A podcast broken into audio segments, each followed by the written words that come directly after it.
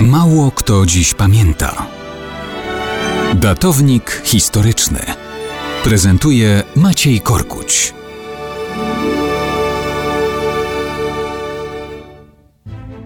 Mało kto dziś pamięta, że w nocy z 8 na 9 lutego 1904 roku Japonia zerwała stosunki dyplomatyczne z Rosją.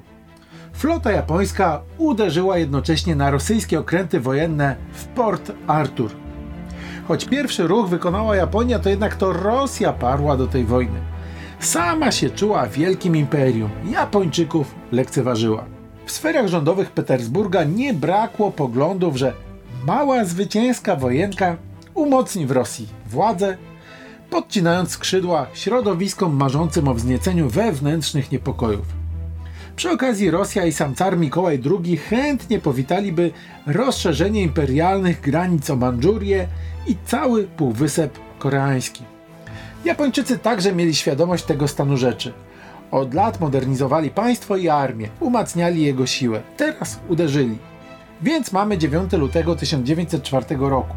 Atak floty japońskiej jest całkiem skuteczny, zaskoczenie jest pełne. Na dno idą dwa rosyjskie pancerniki i jeden krążownik. Mała zwycięska wojenka zaczyna się od pasma kompromitacji dla Rosji. Kolejne okręty Rosja traci po ich zderzeniu z własnymi rosyjskimi minami. Inne krążowniki zablokowane przez Japończyków zostają zatopione przez ich własne załogi. Rosyjskie wojska ponoszą klęski na lądzie, tracą port Artur. Do magazynu kuriozów historii przejdzie decyzja o wysłaniu na Daleki Wschód floty bałtyckiej. Część okrętów miała zbyt duże zadłużenie, aby skorzystać z kanału sueskiego.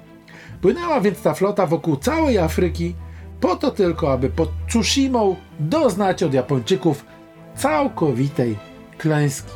Mała zwycięska wojenka stała się więc olbrzymią, kompromitującą klęską Rosji. Zamiast wyciszyć problemy wewnętrzne, stała się dodatkowym katalizatorem rewolucji 1905 roku.